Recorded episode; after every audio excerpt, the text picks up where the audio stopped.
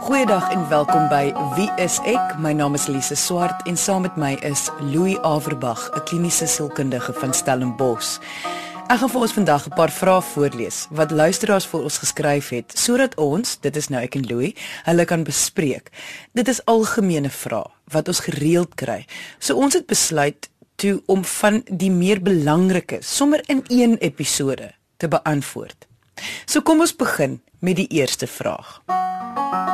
Louis en Lise. Ek en my man is 6 jaar getroud. Hy wil vreeslik graag kinders hê. Dit is soos een van sy grootste lewensdrome. Ons het na 'n hele paar jaar van alles probeer uitgevind ek kan nooit kinders baar nie.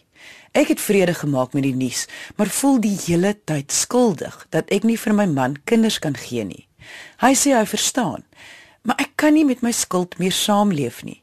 Moet ek hom liewers los sodat hy iemand kan kry wat sy droom 'n realiteit kan maak? Nou Louis, 'n mens assosieer hierdie droom om kinders groot te maak, so met vroue, nie altyd met mans nie.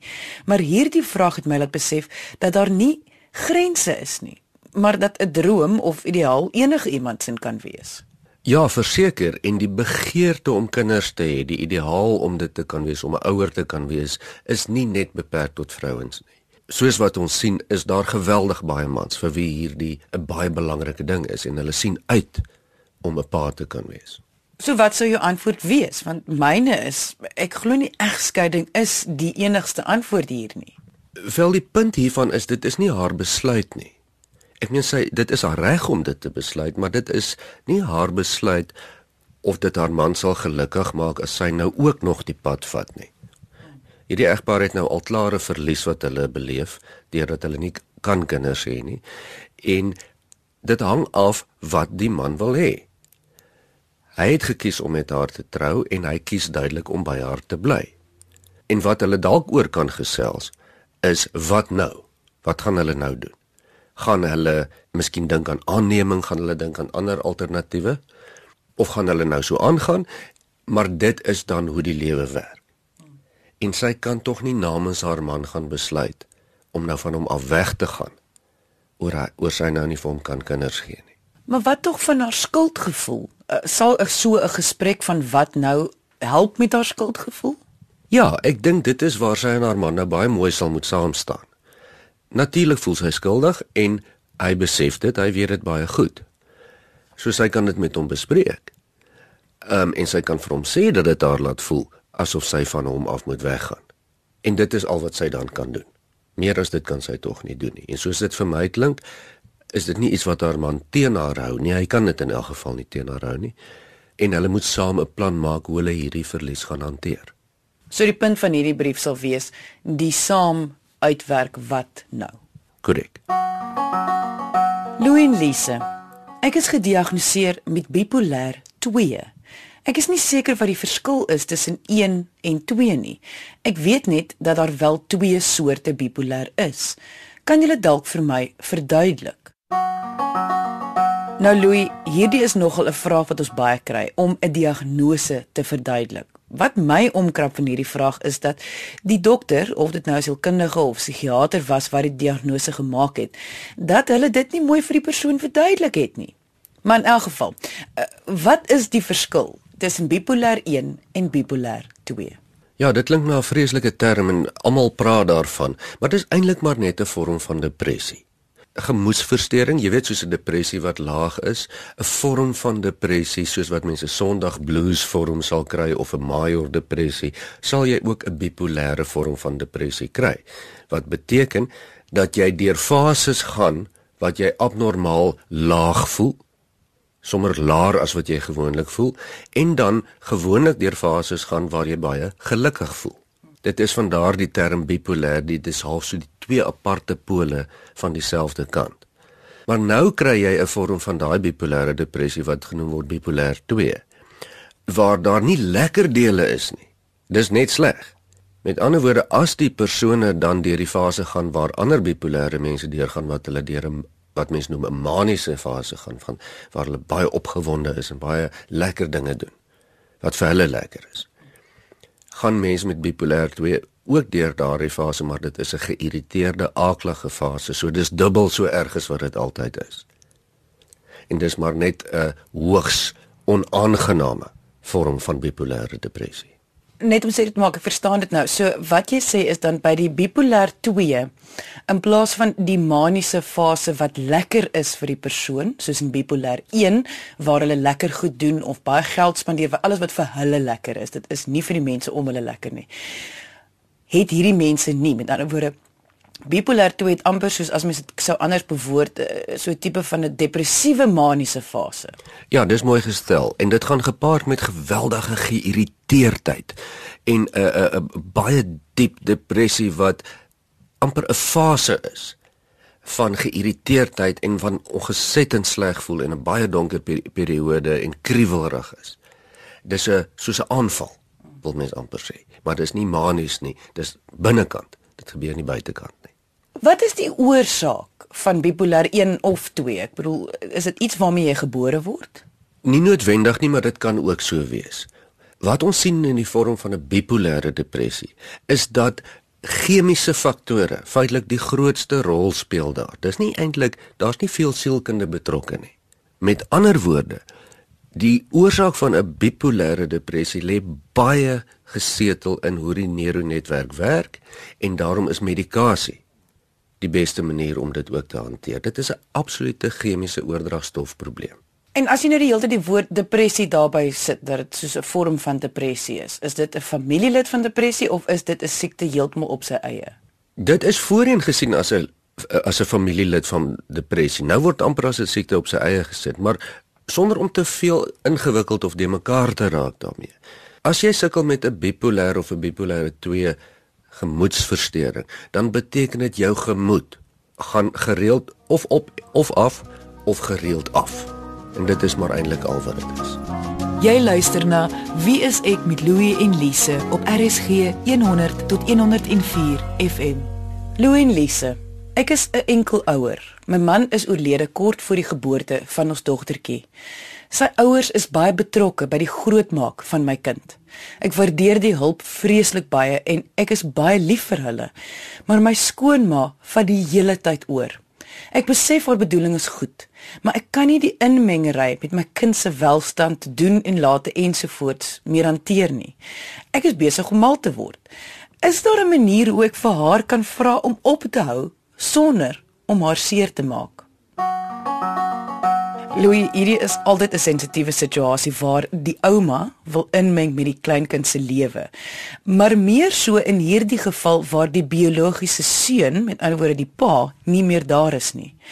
Wat sou jou antwoord wees? Kyk, is in elk geval 'n moeilike situasie of die pa nou nog leef of nie. Dis 'n amper bekende toneel van skoonouers wat met die beste bedoeling ter wêreld by die kleinkinders betrokke raak en amper partymal wil oorneem, nê. Nee. Ag en baie keer is daar maar net mooi daarin. Dit is nie noodwendig 'n negatiewe ding nie. In hierdie geval is dit moeilik want die briefskrywer is 'n enkel ma. Soos dit vir my klink, is sy en haar skoonouers kom hulle goed oor die weg en hulle is ook van groot hulp tot haar. Wat dan die probleem veroorsaak hier is die verskil tussen hulp en ondersteuning en besluitneming.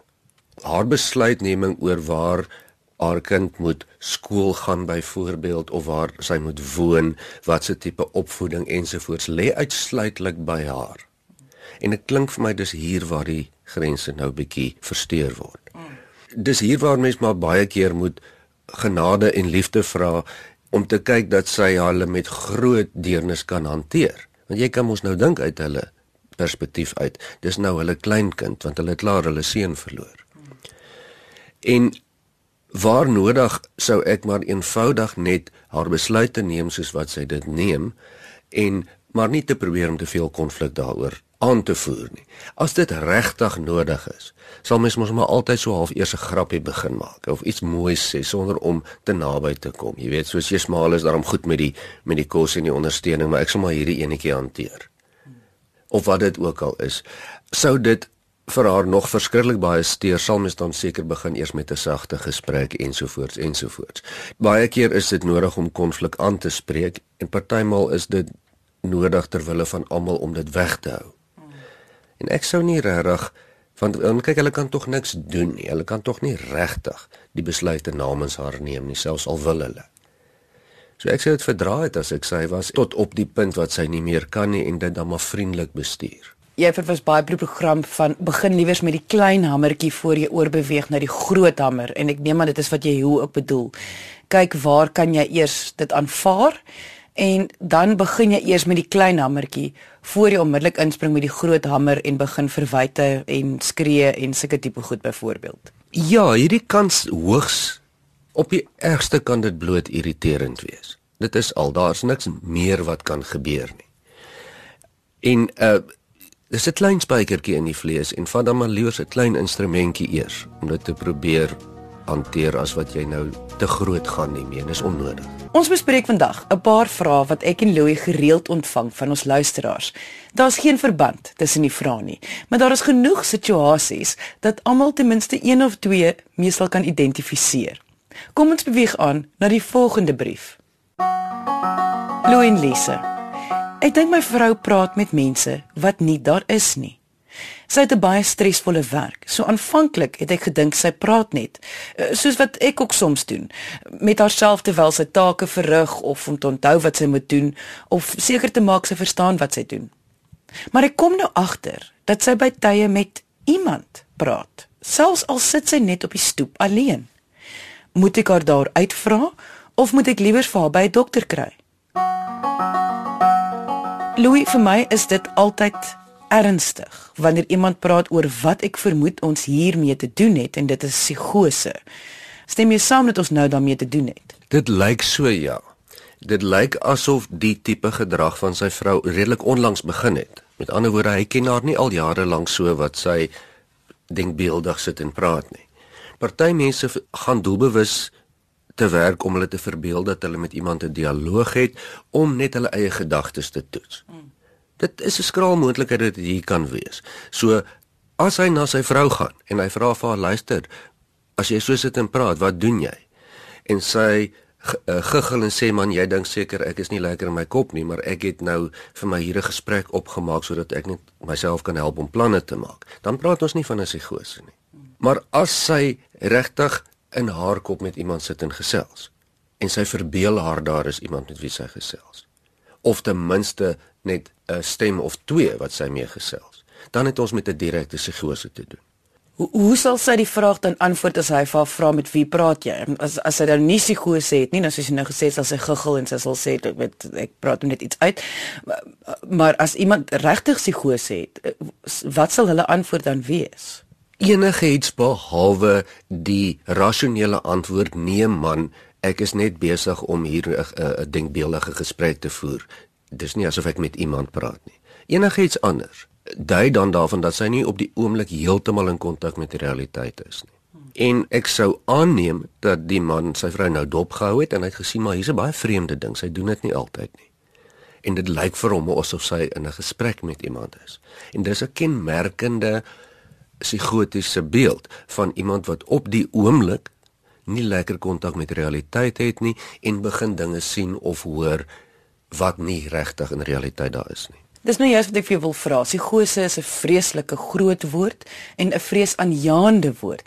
So eh, ek weet nie te begin om dit te verduidelik, maar kan jy net presies sê wat wat beteken dit as mens kontak met realiteit verloor? Ja, dit klink skrikwekkend, maar onthou dit kan ook maar net kortstondig wees baie kere. Waar dit op neerkom, is dat daar gevoeter word met ons sintuiglike waarnemer van die realiteit. As onthou ons neem die buitewêreld waar deur middel van ons sintuie, wat ons sien, wat ons hoor, wat ons ruik en wat ons op ons vel voel ensovoorts. As daardie syne deurmekaar loop neurologies gesproke, dan kan dit gebeur dat ons goed sien wat nie daar is nie, ons goed hoor wat nie daar is nie.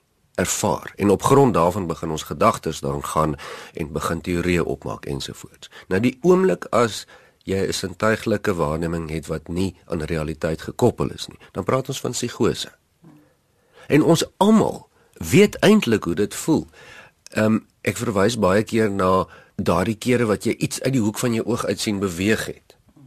En as jy kyk dan's daar niks al het dit net een of twee keer in jou lewe vir 'n splitsekonde met jou gebeur. Dit is 'n oomblikie van psigose. So daar's niks meer verkeerd daarmee. Daar's niks negatiefs daarmee as jy dit so vir 'n sekonde of af en toe jou iets verbeel nie. of jy hoor iemand jou naam roep en jy kyk en daar's niks. Maar as dit voorkom as 'n patroon, met ander woorde dis nou heel dag amper of dis 'n paar keer 'n dag vir 'n week of 2 weke aan mekaar, dan het ons nou met 'n erge psigose te doen. Die skrywer verwys dan nadat sy vrou 'n stresvolle beroep beoefen.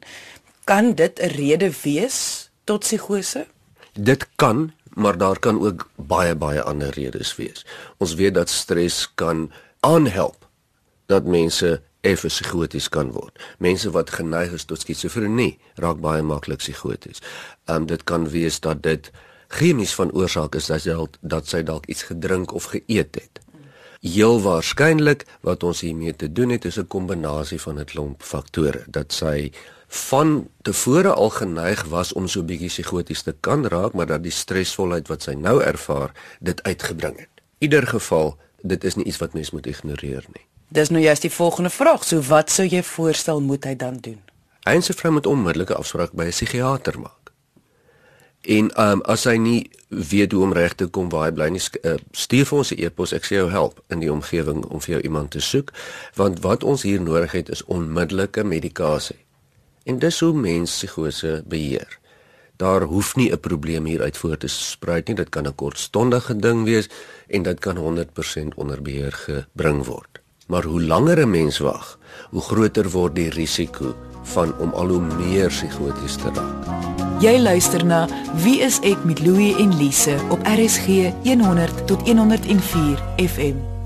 Louie en Lise. Ek is gediagnoseer met depressie. Dit het 'n groot hoeveelheid moed geverg van my kant af om 'n dokter te gaan sien. Ek is toe medikasie voorgeskryf, maar na 2 maande voel ek nie beter nie en ervaar baie neeweffekte. Wat kan ek doen om my depressie te stop? Want as medikasie nie werk nie, is ek nou raad op. Ek kan eenvoudig nie meer so voel nie. Louis, ek dink jy moet hier verduidelik hoekom medikasie nie altyd die eerste keer sal werk nie. En mense versukkel nogal baie om hierdie konsep te verstaan. Medikasie vir jou gemoed, depressie, beteken gemoed is laag. Werk nie soos 'n kopseerpil nie. Dit is nie iets wat jy drink en woeps jy voel beter nie. En omtrent altyd moet mens eers eksperimenteer met die medikasie, die professionele persoon wat dit vir jou voorskryf. En dit is algemeen dat mense voorskrif gewoonlik so 2, 3 tot 4 keer verander word totdat mens die regte kombinasie kry wat vir die persoon die beste sal werk. Dit hang ook af wie dit voorskryf. As jou huisdokter vir jou dit voorgeskryf het en dit werk nie, dan is dit vir jou goeie aanduiding dat jy nou die spesialis moes gaan sien het al lank terug. En dan moet jy maar by 'n psigiater uitkom. Want dis hulle spesialiteit en jy sal 2, 3 keer moet gaan om te sorg dat jou medikasie verander word, aangepas word sodat daar nie neeweffekte is nie. Dis hoe dit werk. Dis nie 'n korttermyn proses nie. Is daar iets wat sy kan doen om self haar depressie aan te spreek? Ja, en dit kom in met hoe depressie, hoe gemoedsversteuring homself voordoen dis nie net op 'n fisiese vlak nie. Daar is twee areas van 'n gemoedsversteuring. Die een is die fisiese deel. En baie keer moet mens vir mense verduidelik en sê maar luister as jy swaar depressie het, gaan jy sukkel sonder medikasie, want daar's 'n kenmerkende fisiese deel daarvan. Die ander deel is die sielkundige deel. En hierdie twee is gewoonlik in 'n bose sirkel in mekaar in vasgevleg dat jy nie kan eintlik sien waar die hoender of die eier is nie baie keer werk medikasie nie baie goed as jy nie terapie ontvang daarmee saam nie en ook anderkant om. So in hierdie persoon se geval sal dit klink vir my baie belangrik nie net om met die psigiater kontak te maak nie, maar ook met 'n sielkundige. En die psigiater kan sommer vir jou verwys na 'n sielkundige toe ook. Ehm um, as jy dit nie kan bekostig nie, sê ons weer eens gaan jy na 'n staatshospitaal toe waar beide beskikbaar is maar jy moet by 'n psigiater uitkom om jou te help om jou medikasie te reguleer. So dit kom daarop neer, daar is potensieel heel moontlik medikasie wat vir haar sal werk. Sy moet dit net 'n kans gee, so sy moet 'n psigiater sien en dan saam met 'n sielkundige om haar siekte te bestuur.